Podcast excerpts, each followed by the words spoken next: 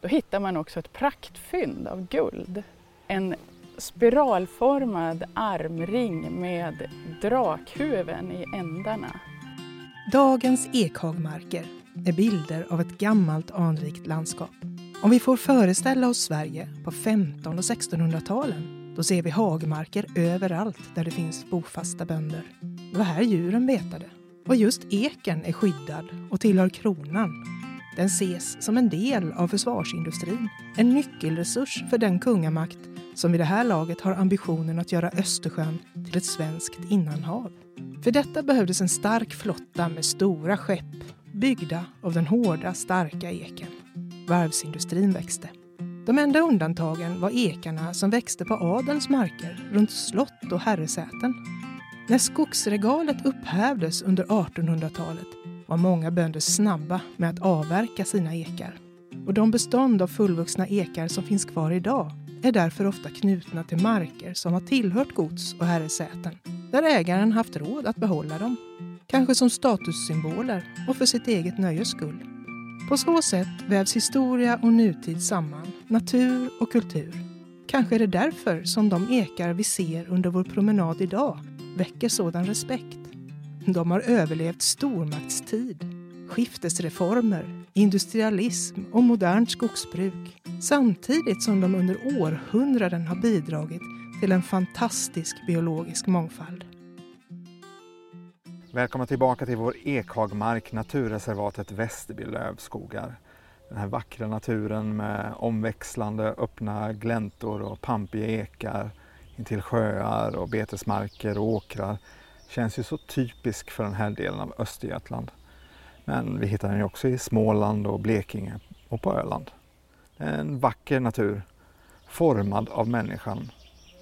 För även om lövskogar betats av vilda djur sedan urminnes tider är det först när den bofasta människan låter sin boskap beta markerna som det landskap vi ser idag växer fram. Människans historia och landskapets utveckling har alltid följts åt. Och idag ska jag ut och promenera med Malin Svarvar, antikvarie på Länsstyrelsen i Östergötland, för att se på landskapet lite grann med hennes ögon. Hej Malin! Kan inte du berätta om vad du gör till vardags på Länsstyrelsen? Eh, jag har jobbat på Länsstyrelsen i Östergötland här i 15 år och som arkeolog då, antikvarie även kallat. Eh, och där under senare år så har jag framförallt hållit på med fornvård och kulturlandskapsvård. Mina specialiteter det är egentligen att läsa landskap och hitta fornlämningar i landskapet som är synliga ovan mark, då, strukturer och så. Du är van att läsa landskap. Ja. Va, när du kommer hit, vad, tänk, vad tänker du på då? Vad tror du att du ser som inte jag ser? Eh, jag skulle säga att när jag kom hit första gången så har jag alltid läst på lite. Jag kan ju lite grann om kulturlandskapet i Östergötland. Eh, men det jag innan jag åker ut tar reda på det är lite vad jag kan förvänta mig att hitta.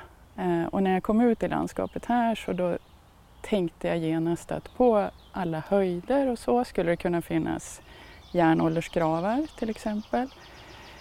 Eh, jag tänkte också att mycket torplämningar i det här området, eller tidiga torplämningar ska jag säga, det är ofta kopplas till de här tidiga gårdarna och säterierna som går långt ner i tid. Men tidigt, hur tidigt tänker du? Eh, ja, just den här platsen som vi är på, då är vi ju nere i 1300-tal då vi har skriftliga belägg på det här.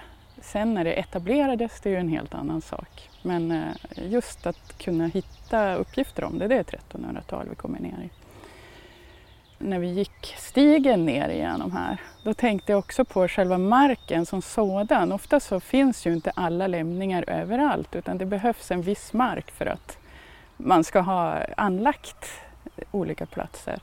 Och just i det här landskapet så funderar jag på om man inte skulle kunna hitta kärdalar, alltså lite senare då från kärframställning.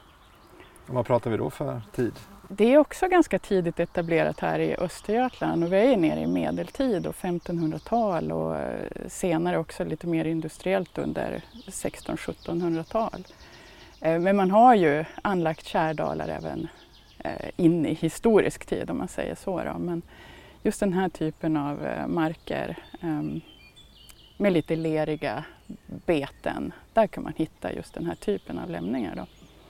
Finns det något annat liksom som du tror att du kan eh, se spår av här? Ja, naturligtvis det hävdade landskapet som vi faktiskt går i eh, med eh, gamla slåttermarker och så vidare. Och kanske att jag tittar efter hamlade träd, jag kanske tittar efter träd med kulturspår eller vad ska man säga som har varit frukt och bärbärande om man säger. Och orsaken att jag tittar efter det det har ju inte med det biologiska att göra kanske utan med det biologiska kulturarvet att göra. Att sånt kan vara kopplat då till bosättning helt enkelt. Här har människor bott länge. Absolut. Ja. Eh, I det här landskapet, om vi tittar liksom på ett större perspektiv, så har vi ju ett brus ner i stenåldern.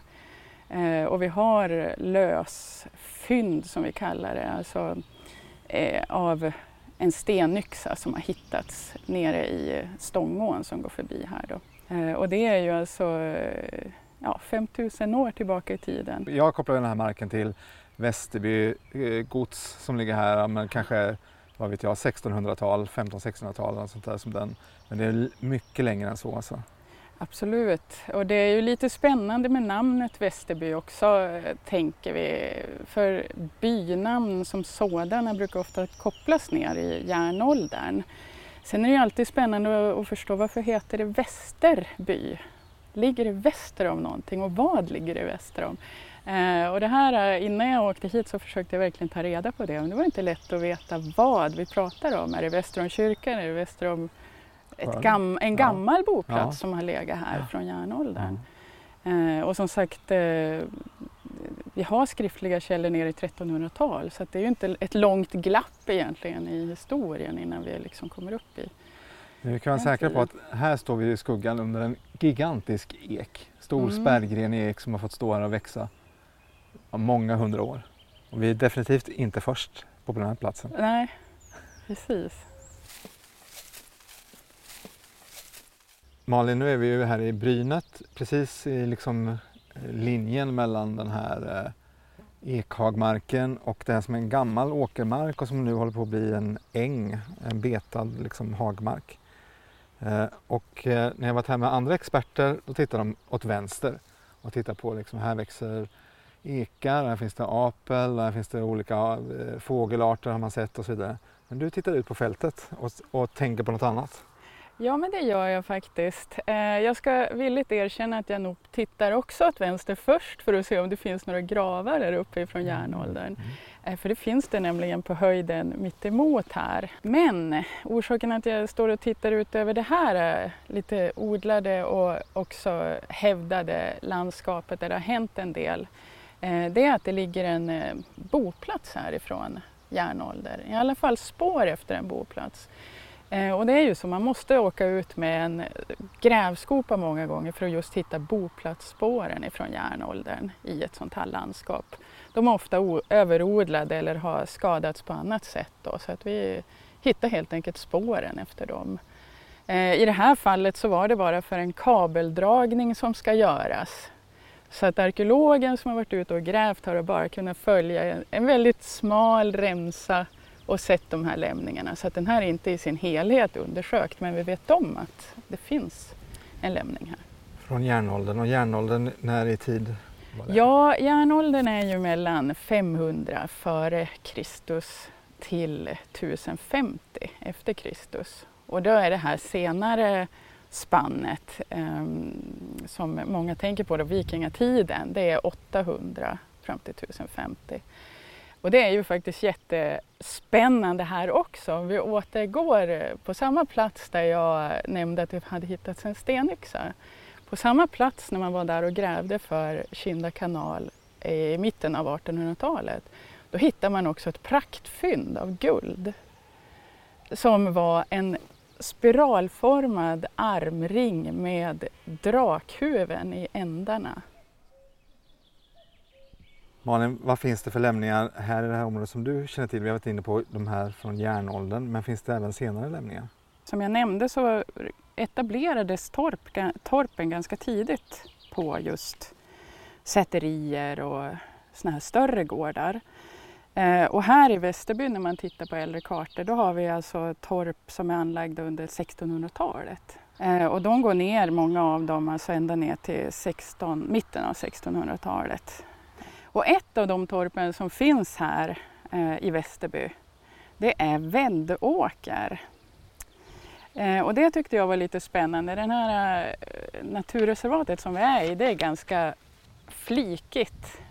Det sträcker sig åt många olika håll. Eh, men far man bortanför golfbanan då ligger precis dikt an mot golfbanan den här lilla torplämningen eh, som alltså är etablerad på 1600-talet och den överges under 1850 ungefär. Och det som är spännande när man tittar i arkiv då, eh, det är att man kan börja se vad gjorde de som bodde på de här torpen på Västerby ägor? Man var trädgårdsmästare på Västerby. Eh, så att flera av dem som bodde där har varit trädgårdsmästare på Västerby. Det är ju ofta så med de här torplämningarna som vi återfinner idag i det här landskapet. De har inte fått ligga så jättenära eh, gården utan ofta så ligger de lite perifert ute på en större äga. En sak som jag också tyckte var jätterolig när jag läste just om Väddåker det är att under en period så kallar sig som efternamn eller vad man ska kalla det för mejram. Jaha. Och det är ju en kryddväxt Ja.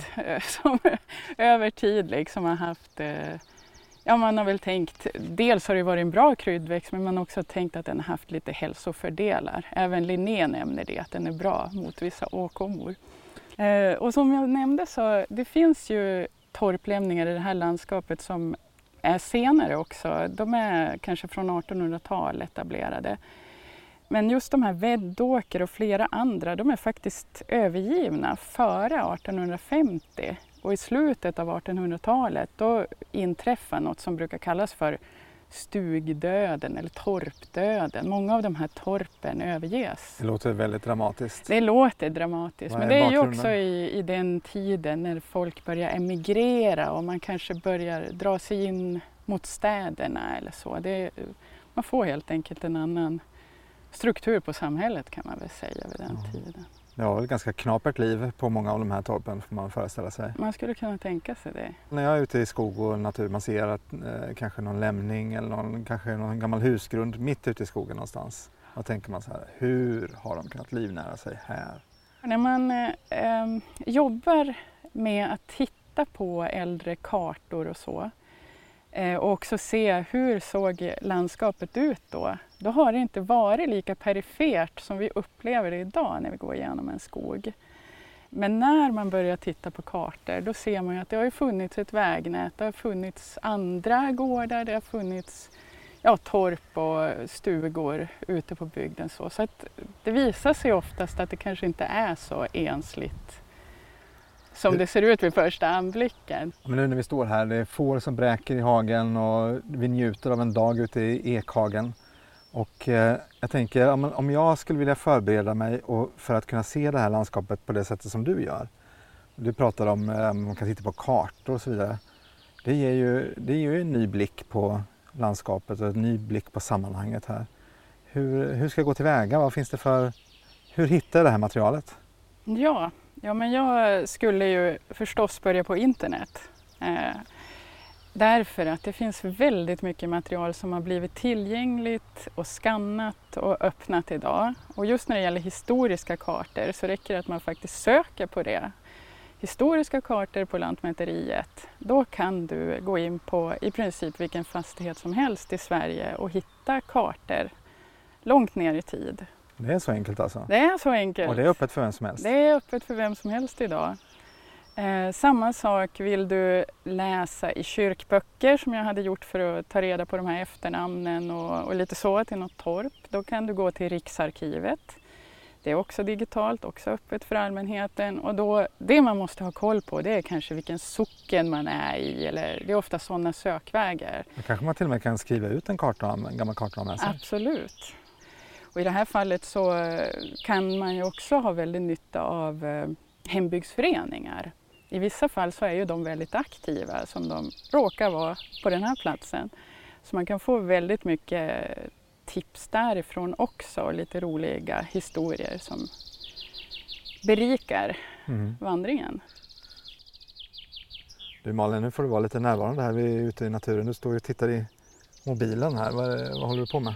Ja, men jag kan inte låta bli. Eh, det är ju så att i mobilen så kan du, om du söker på fornsök, så får du fram Riksantikvarieämbetets eh, eh, fornminnesregister. Och i den appen så finns det en GPS som zoomar in dig precis där du står, var du än är i Sverige då. Så du kan se här vilka registrerade fornlämningar som finns här i närheten? Jajamän. Är inte det får... lite fusk? inte ja. det lite fusk? ja, nej men det är ju toppen när man är ute så här. Dels är det ju en ganska bra grundkarta om man är utan en karta men sen just att man kan då få information om de lämningar som är registrerade. Det är fantastiskt. Så det är inte fel att ha med sig de här digitala Nej, man ska nog få tillåta det lite grann faktiskt. Helt ja, klart. Precis. Du, vi pratar ju om Kindla kanal. Den här sjön, Rängen, är ju en del av Kindla kanal. Och eh, du berättade för mig förut att det var här i närheten som Kinda kanal började byggas. Och då hade man ju tillgång till ek som ju finns här i Ekhagen. Vi har ju lilla och stora Rängen här och det är egentligen bara den lilla passagen där man påbörjade det hela vid 1802. Det, när man började bygga kanalen så har ju det påverkat och sänkt sjöarna väsentligt också. Och vi pratade ju landskapsbild här tidigare. Jag tycker det är lite spännande också för man tänkte sig ju då att få en massa odlingsmark när man sänkte sjöarna. Vilket ju kanske inte blev fallet sen utan mycket blev ju kanske bara slåttermarker eller lite betesmarker längs efter vattnet. Då. Rent känslomässigt så upplever man Kinda kanal idag nästan som en del av landskapet, eller en naturupplevelse. Ja. Varför byggde man kanaler? Ja men precis, faktiskt redan under 1700-talet så började man ju fundera på det här kanalbygget. Det tog ju sen väldigt lång tid att vara ute och prospektera och fundera hur man skulle göra. Eh, och här vid Kvilla då så var man och inspekterade på 1750 redan eh, och såg att det fanns kvarn och det fanns ålfiske. Överlag har det varit väldigt mycket fiske här längs efter vattendraget och i sjökanterna. Och här i Kvilla, där var det ju bara 30 centimeters fall vid det här tillfället när han var ute och tittade. Så lantmätaren föreslår då direkt att fåren borde öppnas upp och den borde öppnas upp för båttrafik och bättre avrinning. Eh, sen tog det ju väldigt lång tid innan allt det här gick i lås och, och man började bygga kanalen. Och som sagt, man började här vid Kvilla kvarn och man började rensa och man började muddra och man tog bort ålkisterna och sen så byggde man helt enkelt om kvarnen som fanns där nere så länge. För man tänkte sig att det bara skulle, det skulle gå att ha en kvarn där ändå. Och det här var i början av 1800. Man byggde slussar som skulle vara både här och det skulle vara borta vid Brokind som ligger en bit bort här. Eh, och arbetet utfördes av 100 man som man hade kallat in från Livgrenadjärsregementet. Och man hade också beställt 400 ekar förutom en hel del krut. Och det här tycker jag är lite spännande i det här landskapet. Man hade ju väldigt nära till råvaran, tänker jag, även om vi egentligen inte vet var den kom ifrån. Sen visade det sig ju när man hade hållit på att bygga det här ett tag att ena slussen, den vid Brokind, den eh, gick sönder ganska snabbt. Man fick brist på arbetskraft bland annat på grund av finska kriget. Och det fördröjde ju arbetet. Um, och sen tog det egentligen ordentlig fart på 1850-talet igen. Då man faktiskt tog bort kvarnen helt här och byggde om hela passagen. Så idag finns det ingen sluss där. Men det har alltid funnits, eller det man istället haft har varit en svängbro. Så varje gång en båt kommer så har man ifrån eh, eh har man haft en brovaktare helt enkelt som har öppnat det är roligt det här med kanalerna som den var klar kanske 1850 och då började ju snart järnvägen göra entré i, i Sverige eller i Norden, några årtionden senare kanske. Ja. Men det här med alltså, sjötrafik och båttrafik var ju ett sätt att också knyta ihop det här Sverige på den, på den tiden. Och få ut råvara. I det här fallet Ja. då så blir det ut till Linköping och då, det tog ju betydligt längre tid än, än eh, mitten av 1800 innan den var klar. Kanske var på 1870 som man faktiskt kom in i Linköping hela vägen då. Eh, men precis som du säger, sen kom järnvägen i början av 1900 och tog bort den här delen av betydelsen av alla dessa kanaler som man hade byggt. Eh, jag tyckte faktiskt det var lite intressant när jag läste om det här. När man ekinventerar i det här landskapet så noterar man ju redan då 1750 att det här landskapet dominerades av just ek. Och det man tänker sig varför det är kvar så pass mycket. En av ehm, tankarna kring det det är just att det var så, det låg så pass illa till i transporthänseende att få ut det härifrån. Och det är lite spännande, om det är därför det på något sätt blev lite mer kvar här. Och nu är det 10 minuter ut till riksväg 34. Ja. Men då var det isolerat. Då var det lite mera krångel att Ja. ta stockarna härifrån. Ja. Ja.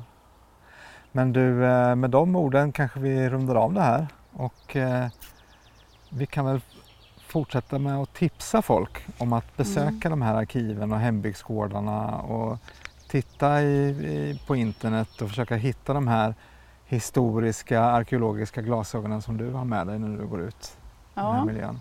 Absolut. Eh, och jag, är man nära bibliotek, nu har det ju blivit så att man faktiskt oftare sitter hemma vid datorn, men är man nära ett bibliotek så har ju till exempel stadsbiblioteken ofta särskilda rum eh, just med sockenböcker och så. Man vill grotta ner sig ännu mer efter man har varit ute. Man kanske sår ett frö och sen får man, eh, Det är klart man vill. ja, Det är klart man vill. får man forska vidare. Ja, det ska jag göra. Mm. Tack för att jag fick följa med dig på den här promenaden Malin. ja, det var jättekul. Ja, eklandskapet är till stora delar präglat av människan. Här möts en blandning av natur och kulturhistoria. För att behålla natur och kulturvärden måste vi skydda och vårda dem. Markerna måste exempelvis fortsätta hävdas med slotter och betesdjur. Och fornlämningar röjas fram så att de bevaras för kommande generationer. För det vi gör idag, det är ju historia om 200 år. Och då kanske någon annan står här och tolkar och funderar över varför vi gjorde som vi gjorde.